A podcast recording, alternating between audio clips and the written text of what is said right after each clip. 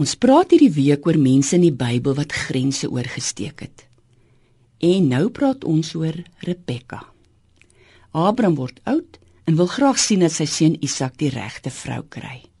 Hy stuur sy slaaf om vir Isak 'n vrou te gaan soek waar hy wat Abraham is oorspronklik vandaan gekom het. Die slaaf kom by die regte plek aan en stop natuurlik eerste by die waterput. En hier loop hy vir Rebekka raak wat kom water haal het vir haar familie. En dis net hier waar Rebekka grense oorsteek.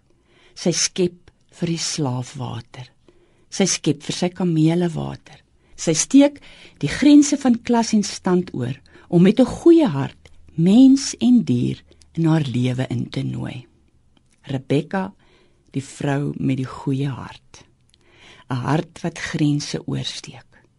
'n Hart wat die ander innooi asof dit dieselfde is.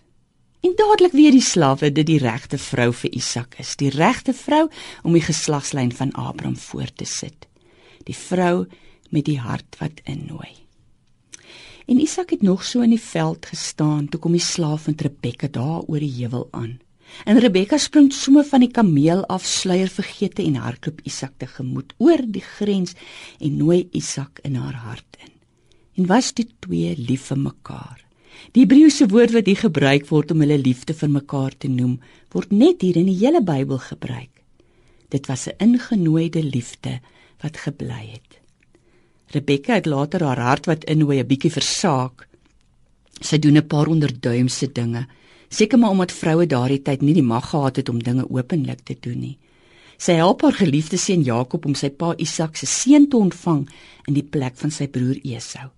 En in Genesis 27 vers 46 lees ons dat sy sê: "Sy is nou siek en sat vir Esau se vroue." Nie omdat hy baie vroue gehad het soos die mans van daardie tyd nie, maar omdat die vroue nie van haar soort was nie. Maart maand is antirasisme maand. En 'n mens sou Rebekka graag aan haar oorspronklike hart wou herinner.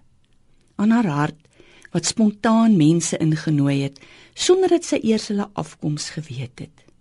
En so kan ons ook onsself in hierdie maand herinner aan die hart wat in elkeen van ons is. Die hart wat ander mense innooi, gewoon omdat ons met ons harte aan mekaar verbind is of verbind behoort te wees aan watter ras of watter stand ons ook al behoort. Dit is 'n belangrike ding om te onthou in hierdie tye voor Paasfees. So kom ons bid saam. Here, Help ons in hierdie dae. Hierdie dae voor Paasfees. Opnuut om mekaar in ons harte in te nooi. Amen.